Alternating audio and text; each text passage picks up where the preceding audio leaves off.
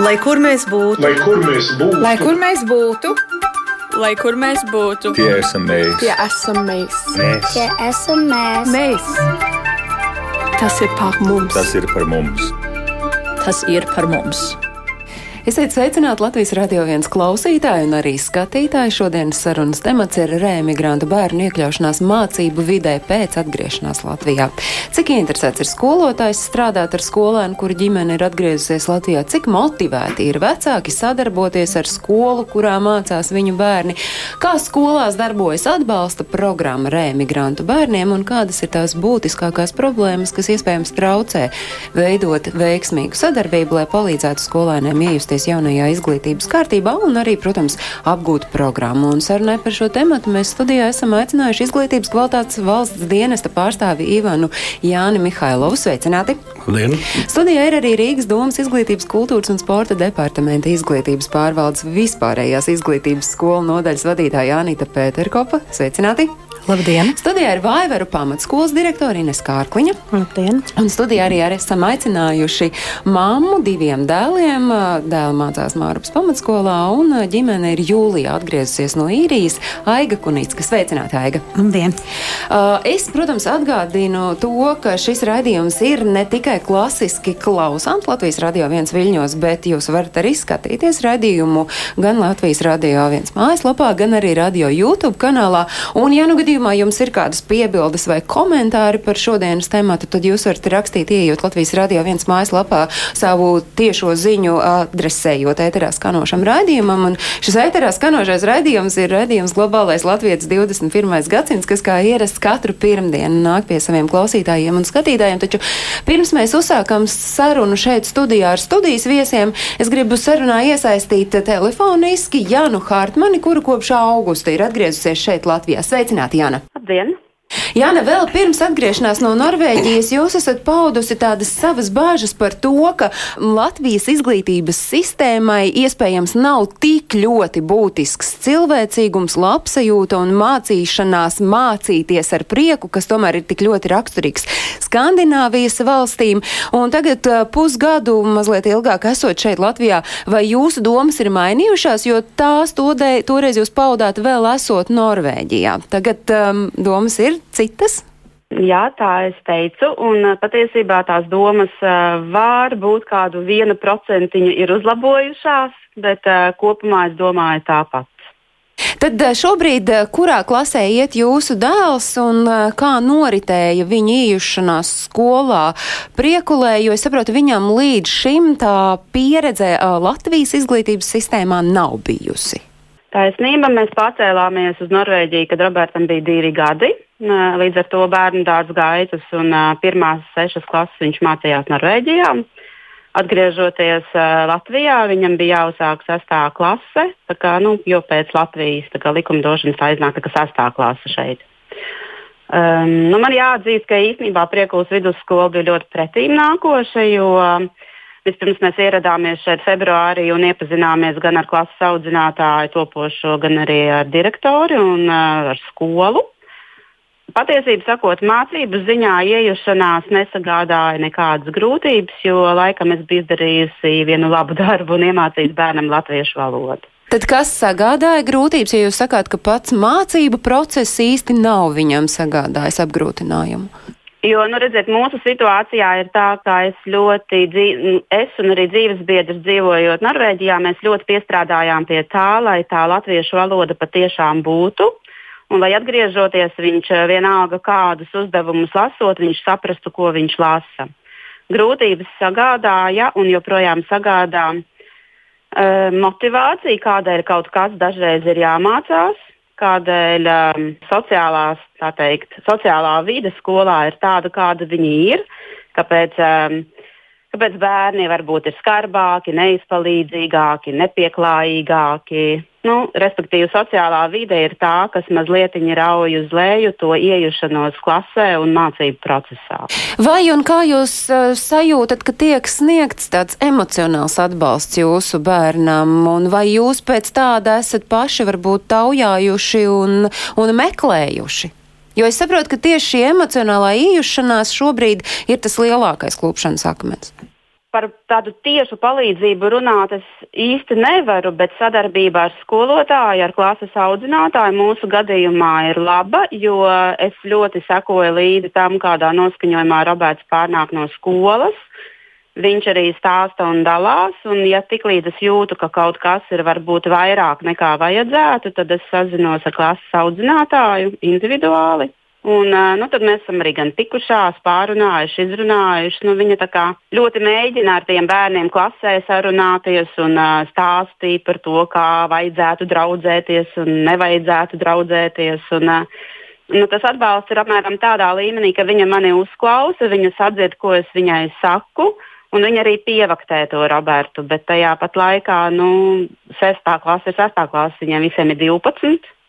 Un, nu, tas, kas nu, ir ielikts tajā pamatā, tas ir ielikts pamatā tiem bērniem. Tad šobrīd, nu, tā, klausoties jūsu stāstījumā, es saprotu, ka gan jūs, gan arī pedagogi no savas puses esat maksimāli visu izdarījuši, nu, ko šādā situācijā var izdarīt. Ko jūs redzat, kas tad varbūt būtu vēl uzlabojams? Jo, nu, ja tā skatāmies, tad šis ir tāds piemērs, kur visas iesaistītās puses ir ieinteresētas, lai jūsu dēls skolā justos labi. Tad ko vajadzētu uzlabot vēl jūsuprāt? Ko mainīt varbūt? Nu, manuprāt, gan šis būtu vēl garāks temats, bet tas ir stāsts par to, ka viss sākās ģimenē un uh, arī bērnu dārzā.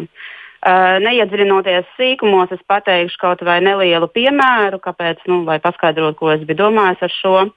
Ir uh, nemitīgā apsaukāšanās, apcelšana, uh, nu, tāds, tāds kluss mobbings emocionāls pret bērnu. Uh, Un eh, brīdī, kad es eh, teiksim, uzrunāju klases vecākus un lūdzu, varbūt katrs mājās ik viens var parunāt ar savu bērnu, nu, tā teikt, nenorādot, nenosaucot nevienu vārdā, bet nu, mēs varētu aprunāties, ka varbūt nu, tā nevajadzētu izturēties.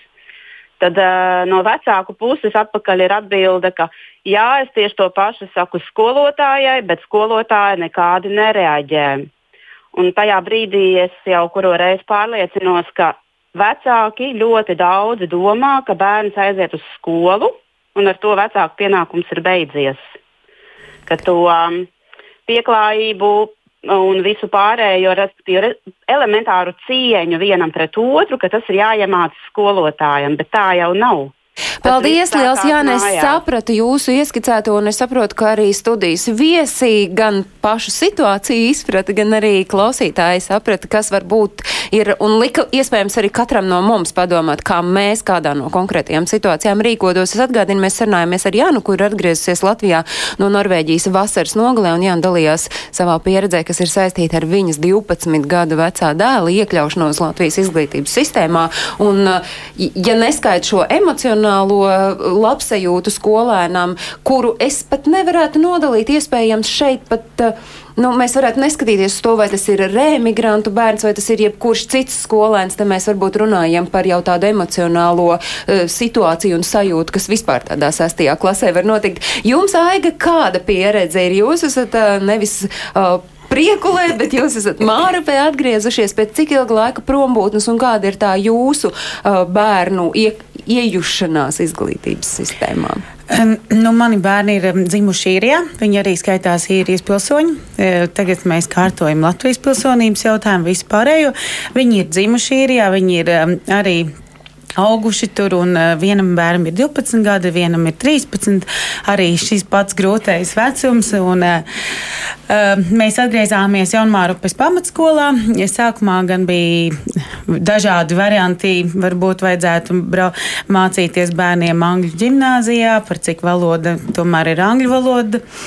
Uh, varbūt vajadzētu meklēt kaut ko citu, bet beigās mēs palikām pie Jaunmārupas skolas, jo uh, pirmais, kas mums ļoti uh, teiksim, patika un iepriecināja, bija tas, ka bija ļoti atsaucīgi gan pedagogi, gan direktori, kuri stāstīja gan par skolu, gan arī. Jūs bijat pirmie tādi, kuri ir atgriezušies, vai viņiem jau bija pieredze ar remigrantu bērniem? Jā, nē, mēs bijām, mēs, teiksim, skolā jau ir ļoti daudz bērni, kuri ir atgriezušies, kuri jau ir gājuši cauri šim. Jūs esat nonākuši skolā ar pieredzi. Jā, tieši tā bija mūsu viena no tām svarīgākajām lielākajām izvēlēm, kāpēc mēs palikām tieši šī skolā. Jo, teiksim, jautājumi, kuri varētu rasties gan uh, mums, es domāju, ka pedagogi jau būtu, jau atbildes bija daudz zināmas, un viņi vairāk droši vien arī zināja, kā rīkoties Jā. šādās situācijās? Jā, jā, jā tieši tā. Un, eh, tad, Tā izvēle tā arī palika jaunmāru, bet, teiksim, bērni dotajā brīdī ir ļoti apmierināti. Es vakardien viņiem vēlreiz pajautāju, vai viņi tiešām ir apmierināti.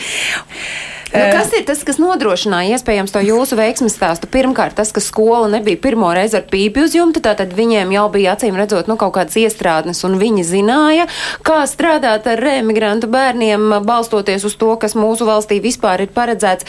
Valodas prasmes, eh, emocionāli draudzīga uzņemšana no skolas biedriem.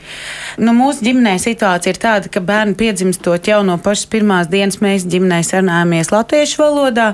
Visi pasākumi, kas notika īrijā, gan kas ir saistīti ar bērnu, bērniem, gan arī ar pieaugušiem, mēs ļoti aktīvi viņus iesaistījām dažādos pasākumos, iepazīstinājām ar dažādām kultūras, dažādām tradīcijām. Mēs... Proti, viņi nenonāca šeit Latvijā tā kā nokrituši no mēnesis, un tagad mums ir viss jāsāk mācīties no jauna. Viņi zināja, kurp viņi atbrauc, un plus es saprotu, ka jūs arī veicāt nu, to iepriekš darbiņu un, un bijāt pamatīgi izpētījuši, kas būs tā vieta un skola, kurā jūs atgriezīsieties, Jā. kas ir ārkārtīgi svarīgi šādā Jā, situācijā. Mēs ļoti daudz mājās ģimenē runājām gan par latviešu skolu, gan arī par to, cik tas būs savādāk, un daudzas lietas viņi atbraucot jau zināja.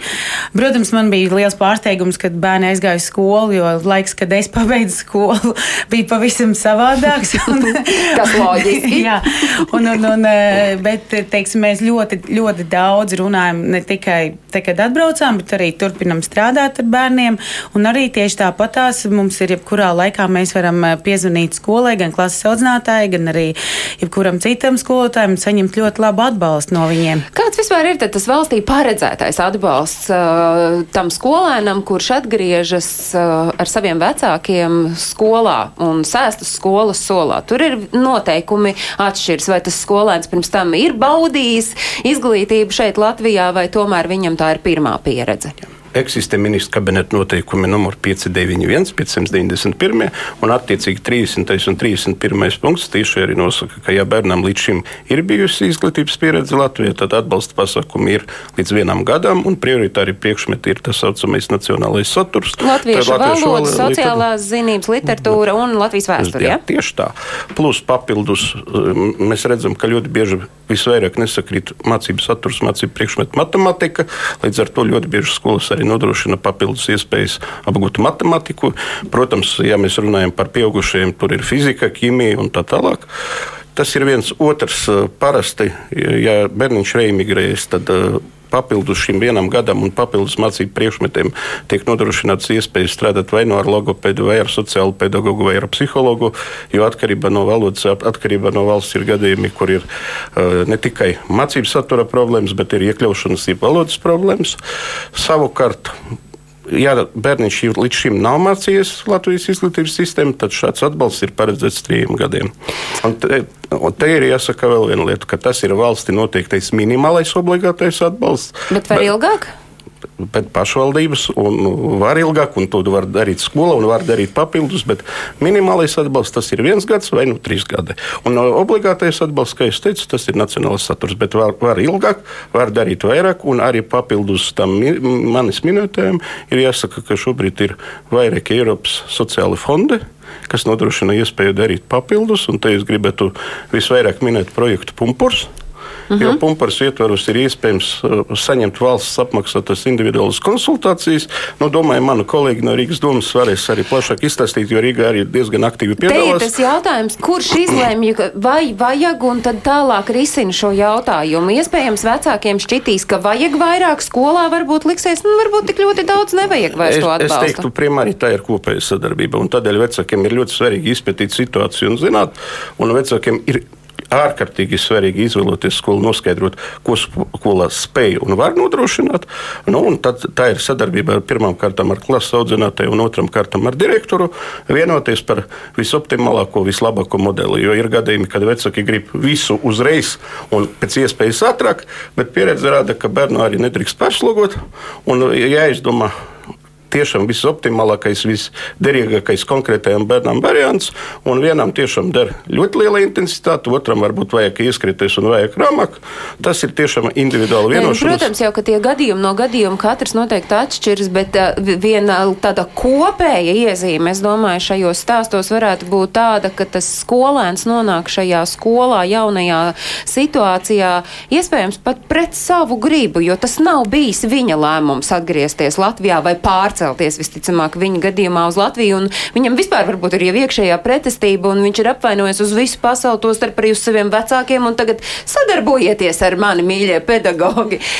Vai šī varētu būt viena tāda iezīme, kas var apgrūtināt šo darbu pedagogam, pat ja viņš ir ieinteresēts un zina, kā tādās situācijās strādāt, vai vēl trakā gadījumā, kad šis pedagogs ar pirmo reizi satiekas ar šādu skolēnu, kuram ir pilnīgi cita dzīves līdzinējā pieredze. Es skatos uz, uz Inesi Kārkliņu vai var pamatskolas direktoru. Es zinu, ka jums ir pieredze, bet jūs varat modelēt šīs situācijas.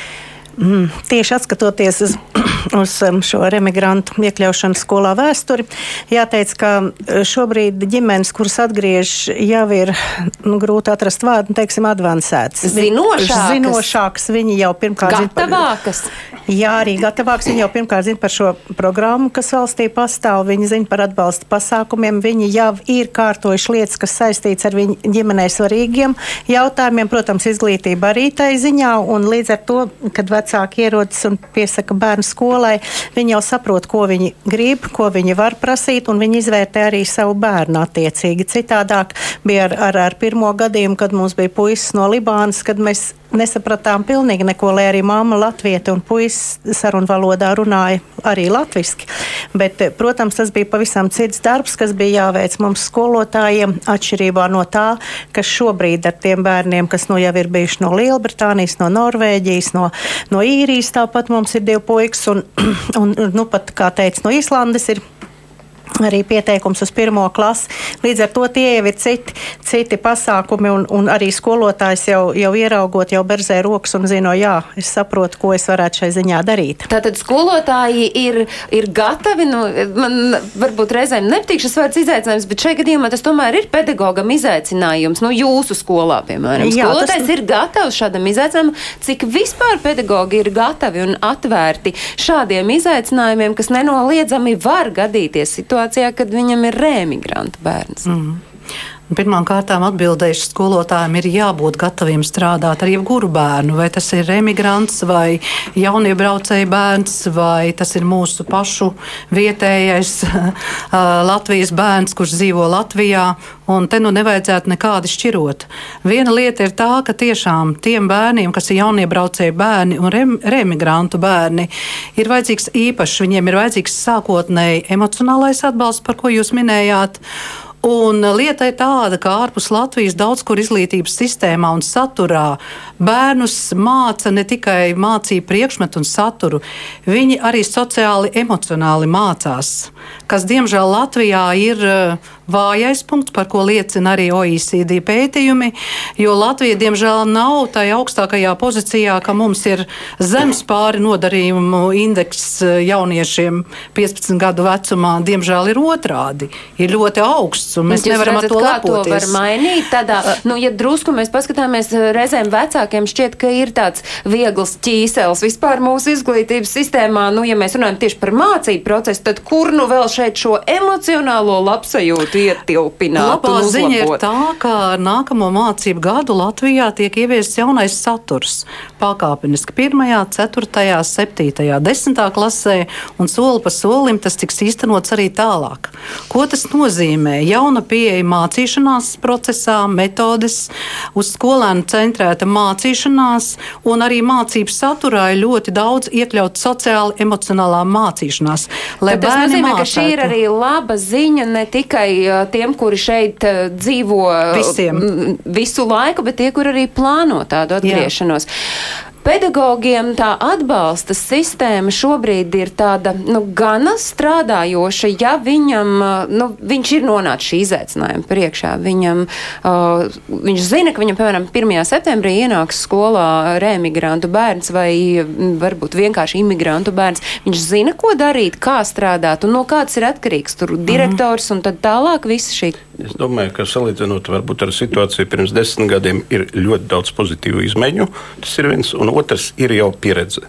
Un šobrīd mēs redzam, ka grūti atrast skolu, kur nebūtu kaut viens vai divi reimigranti. Jā, protams, tādas skolas ir, bet tas ir dažas skolas. Un mēs varam redzēt, ka mums reimigranti patiesībā tie nav reimigranti, tie ir mūsu pašu iedzīvotāji, Nu, jā, kuri kuri- kādu laiku padzīvojuši citur. Jā. Sasmēlušies pieredzi Jā, citur. un ir arī gadījumi, kur vecāks varbūt apzināti aizsūta bērnu uz pāris gadiem gūt pieredzi, un tas, tā nav kaut kāda aizbraukšana pastrādāt vai vēl kaut kur, tā ir tiešām došanas mācīties. Un, uh, es gribu teikt, ka jā, šobrīd ir pieejami gan materiāli darbam ar šādu grupu, gan ir pieejami kursi, un tos kursus organizē gan pašvaldības, gan īpaši iesaka Latviešu valodas aģentūra, un Erika Pičukāna pat uh, Facebook ir izveidojusi Jā. veselu lapu, uh, sadarbības lapu, kur uh, skolotājs var pievienoties un gūt savu pieredzi un dalīties ar pieredzi. Tad, tad šobrīd skolotājiem kurš ir ieinteresēts, kurš uh, ir motivēts un kurš nevis saka, ir, ir grūti, ir grūti, bet meklē risinājumu, ir iespējams meklēt risinājumu. Protams, arī man kā skolotājiem, kad man bija pi- pi- pirmā iespēja satikties ar emigrantu, gribam, negribam, tas bija negaidīti. Es, tā, tā bija vidusskola, un līdz ar to es diezgan atklāti parunāju ar šo. Jau pieaugušu cilvēku, faktiski ne jau bērnu, Nu, jā. no, jo, jo 16 gadi ir 16 gadi. Man izdevās atrast kopēju valodu, vienoties par spēles noteikumiem. Protams, es viņam sagatavoju papildu materiālus, un diezgan veiksmīgi tā sadarbība notikusi. Bet es gribu uzsvert, ka šajā situācijā ir ļoti svarīgi, lai sadarbotos pilnīgi visi.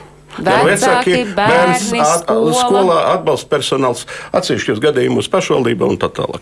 Un vēl viena lietiņa. Ka, jā, protams, varbūt dažreiz tas bērniņš ir mazāk motivēts, daž, dažreiz tas bērniņš ir vairāk motivēts, bet vēl viena lieta, tomēr tiešām runāt ar cilvēku. Un uh, to, ko es redzu, tad brīžiem tiešām pietrūkst šī saruna. Nu, cerams un strādājam, lai tomēr šīs sarunas notiktu. Nu, tas, ko arī Jāna Hartmana mamma, kuras dēls šobrīd priekulas vidusskolā mācās, tas, ko viņa teica, ka motivācijas trūkums, tas ir tas, kas varbūt ir šobrīd pie kā ir jāpiestrādā. Bet ja mēs runājam par to, ka tiešām šobrīd laikam pedagogiem, nu, tas atbalsts ir iespējams, un ja vien skolotājs grib atrast kaut kādas jaunas idejas, kā tieši strādāt ar remigrantu bērniem, tad tāda iespēja pastāv. Un tagad mēs ieklausīsimies Aijā Melē, kura ir Jūglas vidusskolas direktore. Viņa runās par remigrējušo bērnu iekļaušanos Rīgas Jūglas vidusskolā, un viņa dalās savā pieredzē ar citiem pe pedagogiem. Un šī saruna ir notikusi Vidzemes plānošanas reģiona koordinators rīkotajos pedagogu semināros. Jo vairāk mēs koncentrējamies uz procesiem, ko mēs paši varam ietekmēt, kas ir mūsu ietekmes zonā, ko mēs varam izmainīt, jo šis lokus paplašinās. Jo vairāk mēs koncentrējamies uz to, ka mēs tikai izrādām rūpes par to, ko mēs paši nespējam ietekmēt, jo nav naudas ministrijā, reformas, ierēģi, pedagoģi trūkst, jo mūsu ietekmes lokus samazinās. Un man tas palīdz tādā veidā, ka es no tā visa, ko jūs tagad saucat, es sev atlasu, kas ir tas, kas ir manā ietekmes lokā, jo man nav jēgas ņemties, jo tie bērni brauks un brauks, patvērumu meklētāji nāks un nāks, un vietnamieši būs, un viss būs. Tad es skatos uz to, ko es varu, ko es varu izmainīt. Ja? Un tas, par ko es gribu runāt, tie trīs faktori, par kuriem domāju, tas pirmais, es pirmajā tajā stab- ielikusi vispār cilvēks. Pēc tam es tā domāju un ieliku pedagogs. Jo manā ietekmes lokā tomēr ir pedagogs. Jo es pedagogiem saku, mēs vecākus nevaram izaudzināt, un mums viņus nevajag mācīt, viņi tādi, kādi viņi ir. Reizēm pedagogi gribētu, lai tie vecāki mācītu arī vecākus, un tur nekas nesanāk. Ja?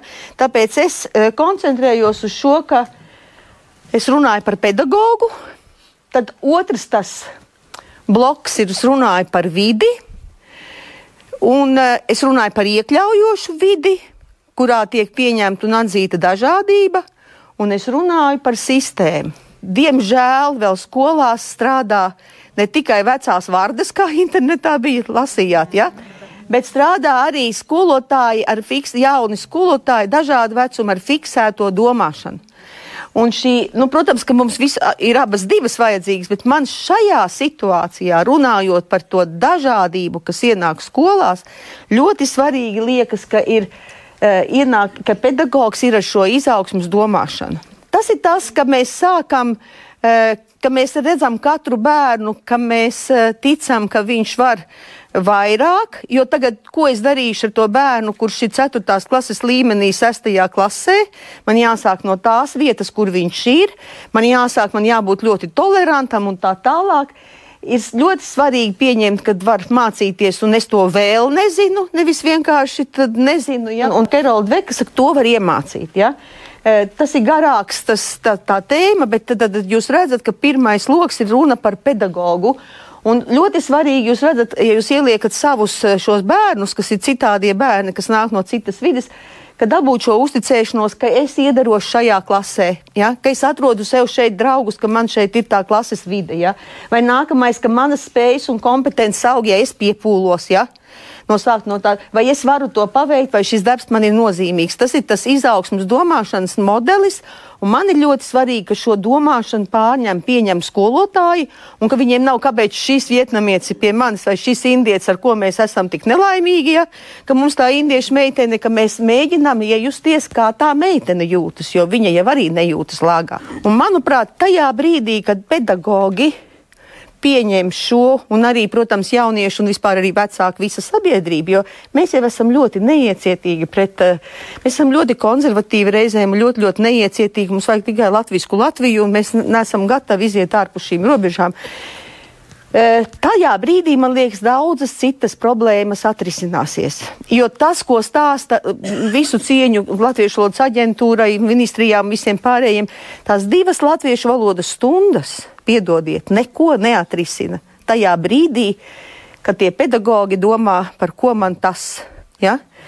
Un, uh, Nu, tā ir. Ja? Un tajā brīdī, tajā brīdī, kad es viņu pieņemu un saku, oi, cik lieliski, ka, esi, nu, ka mēs te esam kopā, kā mēs te kopā strādāsim, tajā brīdī mūsu pedagogi saka, ka labāk šīs divas latviešu valodas stundas dot audzinātājam, nevis tīri latviešu valodas skolotājam, bet kādam cilvēkam, kurš vairāk ar viņu strādā, ja? jo ar tām stundām patiešām nepietiek, ja bērnam nav valodas. Ja? Jo jāstrādā faktiski ir visiem.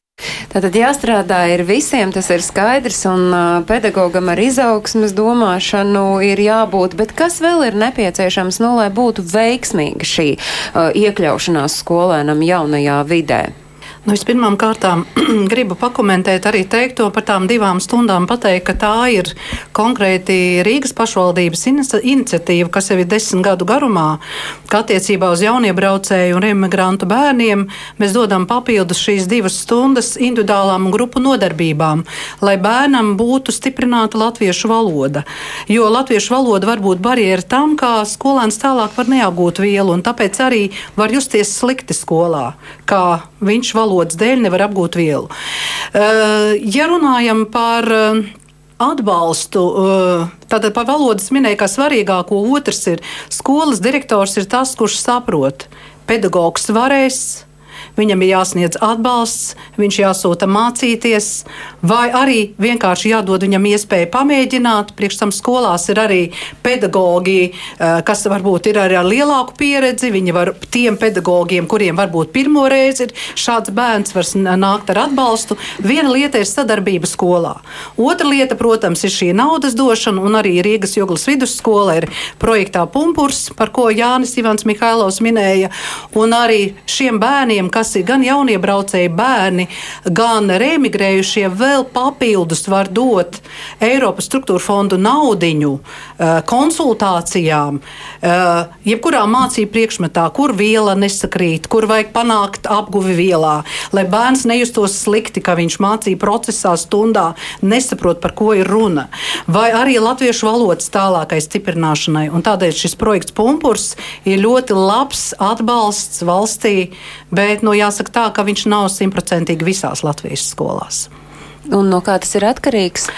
Būtībā skola ir atkarīgs lielā mērā no pašvaldības, jo pašvaldības ir sadarbības partneri projektā Punkurs. Uh -huh. Viņas piesakās šajā projektā. Ja viņi es- zina, ka skolai to vajag. Vai Es ne? domāju, ka projekts Punkurs ir tik aktīvi lielu savu kampaņu veicis, un jebkurš vecāks var paskatīties punkurs.lv mājaslapā. Un es Uh, piebildīšu raidījumus klasē katru svētdienu. Jā, tieši tā. Lai iegūtu šo informāciju, bet katrā gadījumā projektā piesakās uh, pašvaldība un iesaista skolas. Savukārt, es skatoties uz jums, Aiga, domāju, nu, jums 12, 13 gadīgi skolēni ir uh, nokļuvuši Latvijas izglītības sistēmā. Labi, jūs par valodu sakāt, tur viss tā kā vairāk vai mazāk izpratne par valsti, kurā viņi ir nonākuši arī ir. Bet, ja ir jāskatās uz šo mācību procesu, nu, jūs jūtat, ka ir kaut kas, kur varbūt ir kāds rops lielāks, kur vairāk ir jāpiepūlas, nu, ka tā mācīšanās uh, īrijā ir mazliet citāda nekā šeit. Jā, jā, tā arī ir. Un, um, teiksim, mēs arī uz to bijām gatavi. Nu, tā nav tikai teiksim, kaut kāda viena, bet ir vairāk, eh, vairāk tā varbūt, kā jūs pieminējāt, matemātika, kas mums bija ļoti pārsteigti. Mums pārsteidza, kad mēs atbraucām no īrijas. Mums bērniem bija ļoti augstā, teiksim, tajā viņu līmenī bija ļoti augstā līmenī, un šeit viņiem bija, nu, teiksim, tas līmenis bija ļoti zems, un mēs nesapratām, kas notiek. Un kas tad tas bija? Kāda bija atslēgas Uh, vārds? vienkārši savādāk tā mā- mācību sis- sistēma, kā notiek um, tur īrijā un kā notiek šeit. Un, uh, bet mēs to cenšamies pirmām kārtām. Es pati cenšos bērniem palīdzēt mājās, izskaidrot, saprast, ja viņiem ir vajadzīgas papildus nodarbības, tad skolā ir pedagogi, kur arī ar viņiem strādā un var palīdzēt. Plus vēl ir uh, papildus um, privāts stundas, ko mēs, teiksim, mums ir. Krievu valoda, jā, par cik bērni vispār nekad arī nav dzirdējuši. Un Un to viņi tagad no nulles mācās. Jā, jā? Jā, viņi sāk pilnīgi no nulles. Viņi nekad to nav dzirdējuši, mācījušies un nezina. Nu, bet kā viņi reaģēja? Nu, tādam patsmitniekam viņš ir bijis ļoti veiksmīgs, piemēram, tajā pašā matemātikā. Un tagad viņš jūt, ka viņš varbūt nu, nav vairs tik spožs un viņam ir jāpierauj klāt. Uh, Jūs ieguldījāt lielu darbu, lai jūs palīdzētu bērniem nejusties nu, sliktākiem, un droši vien arī skolotāji, klases biedri. Nu, viņiem arī bija jāuzmundrina viņi kaut kā. Es nezinu. Nu, mēs cenšamies to visu izskaidrot, ka tas ir tas process, kas notiks, un viņi to reāli cenšas. Es, ir ļoti grūti teiksim, pateikt, ka vienmēr viņi to saprot, bet mē, teiksim, es un mēs ģimenē ļoti bieži par to runājam, ka nu, tā starpība var būt un ka viņi noteikti būs, un ka būs eh, arī grūtāk un būs dažreiz vieglāk, bet viss paliks vieglāk pēc tam, kad šis darba process būs pabeigts. Nu, tas ir tas, kā es motivēju savus bērnus. Ļoti bieži es pat redzu, kad viņi nāk no skolas, ka kaut kas nav bijis teiksim, tā, kā viņiem tur gribētos. Bet um, es ļauju viņiem um, sajusties tādiem, kādi viņi ir, būt pilnvērtīgiem ar tādu domu, ka viss, no, nu, viss, viss nokārtosies un viss būs kārtībā. Tas ir vienkārši tas process, kuram ir jāiziet cauri.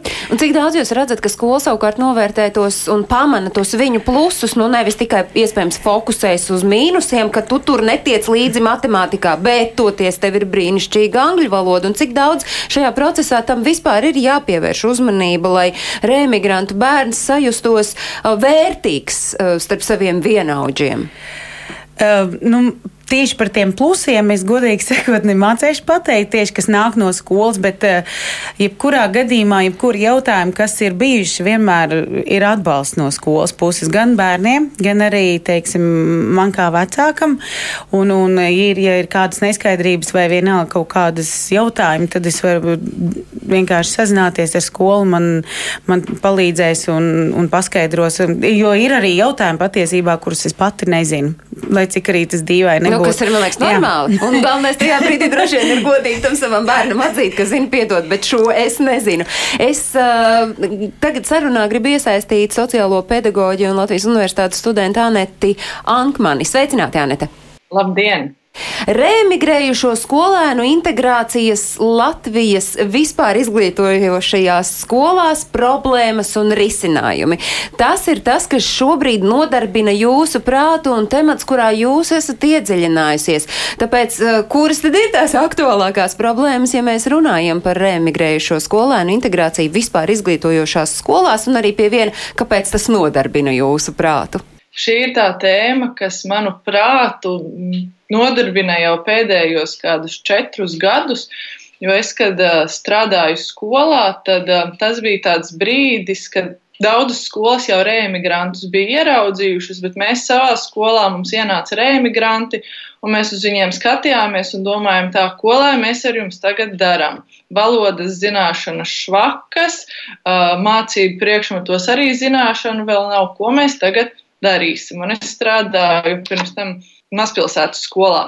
Un tad uh, es uh, sāku pētīt un sāku domāt, nu, ko tad Latvijā ar emigrantiem dara citi. Un tā es arī tagad pie savu pētījumu esmu nonākusi, un es esmu runājusi ar uh, diezgan daudzu skolu direktoriem, gan sociālajiem pedagogiem, un arī ar pašu bērnu vecākiem. Un tās būtiskākās problēmas, problēmas atšķirās īstenībā. Rīgai problēmas ir savādākas nekā problēmas ir tādās mazākās Latvijas pilsētās. Un, ja mēs apskatāmies tā kopumā uz tām problēmām, kādas es no vecākiem esmu sadzirdējis, tad tās ir tās valodas zināšanas un, un tas uh, saprašana.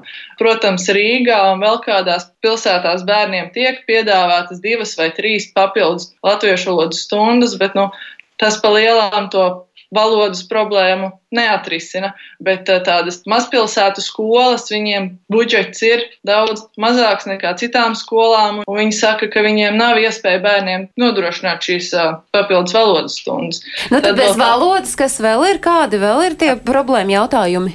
Vēl problēma, kas parādās, ir sociālās problēmas. Man vairāki vecāki ir teikuši, viņi, viņi tagad pārceļās uz Latviju un, un skolā klases biedri viņus izsmēja.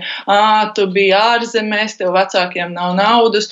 Tu esi ļoti trūcīgs, un es viņiem jautāju, un skolotāji, kā skolotāji šo reaģē. Un, uh, viņi saka, mums ļoti grūti ar skolotājiem aprunāties, jo skolotājiem klasē ir tik ļoti daudz skolēnu, un ne visi skolotāji ierauga tās problēmas, kādas mums ir, un ne visi ir gatavi strādāt ar tām problēmām, jo skolēnu ir daudz. Jūs redzat risinājumus, tad, ris, nu, tad, tad šī emocionālā neiecietība, valodas prasmes ir vēl kādi, kādi, kādi problēma jautājumi, un kādus tad jūs redzat risinājumus? Tās ir tās divas būtiskākās problēmas, bet tie risinājumi, kādiem es skatos, ir visās skolās, kurās ir reemigranti un vispār skolās aktīva skolas atbalsta personāla sadarbība, jo skolas, ar kurām es esmu runājis un kur atbalsta personāls, kas ir sociālais pedagogs, psihologs, logopēds un citi, kuri aktīvi sadarbojās, viņiem šīs problēmas ir iespējams risināt daudz labāk un daudz daudz produktīvāk, bet skolas, kur vēl tas nav, tās problēmas risinās ļoti lēni, un arī vecāki jūt daudz mazāku atbalstu, jo personāls nav uz viena viļņa. Tātad Bet... tas ir pieredzes un visticamāk arī laika jautājums, līdz mēs pieņemsim. Nu, varbūt es skanu aplam, bet tomēr varbūt nedaudz citādo, kas ir mums līdzās. Es saku lielu paldies šobrīd Anetei Ankmanei, Latvijas Universitātes studentei un sociālajai pedagoģei, kura ieskicēja to, par ko patiesībā mēs jau visas šīs stundas laikā pavisam nedaudz esam runājuši, un te raksta kāda klausītāja, ka viņai pašai nav šīs personīgās pieredzes, bet viņa jūt līdz saviem draugiem, kuri kopā ar trim pusauģiem atgriezušies Latvijā mazā pašvaldībā, kur viņi šai skolā skolā ir bijuši pirmie rēmigranti, un viņi ir izturējis, vecākais bērns ir izturējis līdz 16 gadu vecumam un ir atgriezies Skandināvijā, un 13-gadīgie bērni ir ar grūtībām izturējuši vienu mācību gadu lauku skolā, kur skolotāji vispār pat viņiem nav pievērsuši pietiekamu uzmanību. Vai jūs redzat, kas un kā ir jādara, lai šādus stāstus, ka atbrauca, pamēģināja un tieši skolas vides dēļ atkal aizbrauca prom no Latvijas. Kas mums ir jāmaina? Pirmkārt, droši vien visā sabiedrībā tā attieksme pret uh, nedaudz citāto, citādo toleranci, bet uh, tieši mācību vidē. Es tomēr teiktu, ka vecākiem ir jāceļ trauksme, jāatrobelē direktors un jāatrobelē pašvaldība. Jo var rasties mm -hmm. situācija, kur pedagogs dažādu apsvērumu dēļ tiešām neredz, nedzird vai negrib dažreiz sadzirdēt un saredzēt, kas ir ļoti traki. Bet uh, jebkura problēma tomēr ir jā, jārisina. Un vistrakākais ir tā situācija, ka problēma ir ieilgusi un ilgstoši netiek risināta. Un tādēļ es aicinātu, ja redz, ka ir grūtības un varbūt skola nepietiekami rēģē uz šīm grūtībām, tad pirmām kārtām runāt, protams, ar klases audzinātāju un direktoru. Otrakārt ir pašvaldība, un tad ir iespēja runāt pašvaldību. Šobrīd, salīdzinot ar situāciju kaut pirms pirms piec, pieciem, sešiem gadiem situācija tiešām ir ļoti mainījusies. Ir uh, atbalsta personāls, ir koordinatori, kas atbalsta remigrāciju. Jā, tikai tur ir viena nianse. Es jums teikšu, Mihailo kungs, par ko mēs šeit redzījumā globālais Latvijas 21. gadsimts esam pārliecinājuši. Ne, ne visi remigranti zina par protams, visām šīm atbalsta pr iespējām. Protams, un te es teikšu vēl vienu lietiņu, ka uh, pirmām kārtām un ļoti aicinātu, ja ir nolemts atgriezties, izpētīt kura izglītības iestādē. Jo ļoti bieži vienā pašvaldībā ir vairākas izglītības iestādes. Aiziet uz izglītības iestādi, izrunāties ar pedagogu, izrunāties ar direktoru un noskaidrot, kura izglītības iestāde būs labāka bērnam. Nu, tādēļ tā, arī ļoti svarīgi, lai tomēr vecāki meklētu informāciju un tomēr meklētu labāku risinājumu. Nu, tas tieši tas, ko mēs arī šeit nepaguruši esam mhm. teikuši. Tikpat rūpīgi, kā jūs plānojat aizbraukšanu prom no Latvijas, vēl dubult rūpīgāk ir jāplāno atgriešanās, jo tas eh, ietekmē ietekmēs jūsu tālāko dzīvi. Bet tagad noklausījos šo raidījumu, grasos braukt mājās, un man ir skaidrs, ka man taču ir jāiet uz kādu lielo skolu, jo tur būs visas tās iespējas, ko man uz to mazo lauku skolu braukt. Nu tā, ļoti novienkāršojot šo visu. Vai visas lielās skolas var kā izvēlēties to mācību iestādi? Nu, jāsaka tā, ka pēc tās politikas, kā, kāda pašlaik ir valstī, kad nauda seko skolēnam, tā ir, ka lielākās skolās finansējums ir lielāks un lielāks ir atbalsta personālam. Apsviedīgāks direktors dabūs arī projektos līdzfinansējumu. Arī, bet mazām skolām šī situācija ir bēdīgāka. Un ir ļoti daudz stāstu, kur arī mazās skolas Rīgas pašvaldībā griež pie mums ar atbalstu. Mēs to izvērtējam un ir dots papildus pašvaldības finansējums darbā ar jauniebraucēju un reimigrantu bērniem. Jāsaka tā, ka vēl gribu pateikt, ka mums arī ļoti daudz zvana un šī plānošana no vecāku puses notiek, kad viņi grib atgriezties. Viņi taujā par skolām, viņi grib no mums garantiju, ka bērnam būs nodrošināta skola Rīgas pašvaldībā, uz ko mēs atbildam, ka tādi gadījumi nav bijuši, ka bērni paliek bez skolas. Varbūt vairāk jāsaskatās ar problēmām tādos gadījumos, ja vecāki izvēlās skolu, kur eh, klasēs jau ir maks maksimālais piepildījums, un tikai šī iemesla dēļ nevaram nodrošināt bērnam konkrēti izvēlēto skolu. Bet tad mēs arī skatām to labāko alternatīvo risinājumu. Nu, lai, lai mazas skolas direktori pasakā, jā, jā, jā, tieši tas ir tas, kas gribēja. Viss jau laikam ir atkarīgs no tā apsviedīgā direktora. Tieši tā, es gribēju teikt teikt, ka arī mazās skolās mēdz būt apsēdīgi direktori un meklēt iespējas un risinājumus. Un kā galveno, tiešām kā galveno nozīmīgāko resursu es uzskatu sarunas pie, nu, sauksim, apaļā galda, kur aizpildīts noteikti ir arī vecāku krēsls, un ka šīs sarunas varētu sākties jau tajā brīdī, kad vecāki ir nolēmuši šo skolu izvēlēties savam bērnam, vēl varbūt ārzemēs esot. Un tāda pieredze mums ir, un tie ir labākie rezultāti, jo mēs jau iepriekš zinām, vecāki jau pat ir pat gadījumi, kad vecāki ar bērnu atbrauc pirms tam, un viņš vienu dienu ir skolā vai pat divas, un, un notiek tikšanās. Jā, bet ir skoli. situācijas, kad dzīve sagriežas ritenī, un es nevaru ieplānot to atbraukšanu. Lielākoties jau tomēr visi plāno, un tomēr, ja mācību gada vidū, vai, vai tad, kad jau visa tā naudiņa, kas ir paredzēta atbalstam, jau ir sadalīta, un to jau kādam citam sniedz, tad ko skolas direktoram darīt, ko vecākiem darīt? Jūs pat teicāt pirms rādījuma vārds, ka vecākiem par šo galvu nevajadzētu Jā, lauzīt. Tā. Kā tad tur Tieši tā, tās ir galā? mūsu atbildības, un atkal tās ir sarunas ar pedagogiem, un joprojām saruna arī ar vecākiem, un iespēja atrast variantus, kā palīdzēt šai klasē, jo neatrisinām jautājumu gribētos teikt, ka nav. Un vēl atsaucoties uz vienu no iep prie iepriekšējām intervijām par priekulas skolu, man gribētos teikt, ka tas, cik rūpīgi šis klases skolotājs vai audzinātājs vai priekšmetu skolotāji strādās ar to klasu, kur šis zēns mācās, tik liela ieguvēja būs visa klase, ne tikai šis zēns, bet visa klase, visa skola. Ja skolotāji atradīs aktivitātes piemērotas tam, lai šo zēnu izceltu, lai, lai viņš stāstītu par savu zemi, par savu iepriekšējo skolas pieredzi vai visu, kas viņam ir sirdī un, un prātā, tad jau arī pārējie gūs un un būs labi. Pārējie būs ieguvēji un izkāps no kaut kādiem aizspriedumiem, kuros pilnīgi iespējams ir iestiguši. Es saku mīļi paldies šodien, ka bijāt kopā ar redzējumu globālais Latvijas 21. gadsimts klausītājiem, izglītības kvalitātes valsts dienesta pārstāvim Ivanam Jānim Mihailovam. Saku paldies, saku paldies Anitai Pēterkopai Rīgas domas izglītības, kultūras un sporta departamenta pārstāvei, Inesai Kārkliņai no Vaivara pamatskolas direktorei un Aigai Kunickai. Paldies par to, ka ka jūs vispār atgriezāties. Un tagad vēl tiem jūsu bērniem, lai viss tas mācību process ir labs. Es, protams, arī atgādinu, ka mums ir draugs uh, portāls latviešu.com. Tā ir vieta, kur visi, kur dzīvo ārpus Latvijas, var meklēt uh, dažādus notikumus. Tur ir notikumu kalendārs. Turpat jūs varat skatīties arī mūsu raidījumu Globālais Latvijas 21. gadsimts gan pilnajā versijā, gan arī tādus īsus fragmentiņus varat skatīties.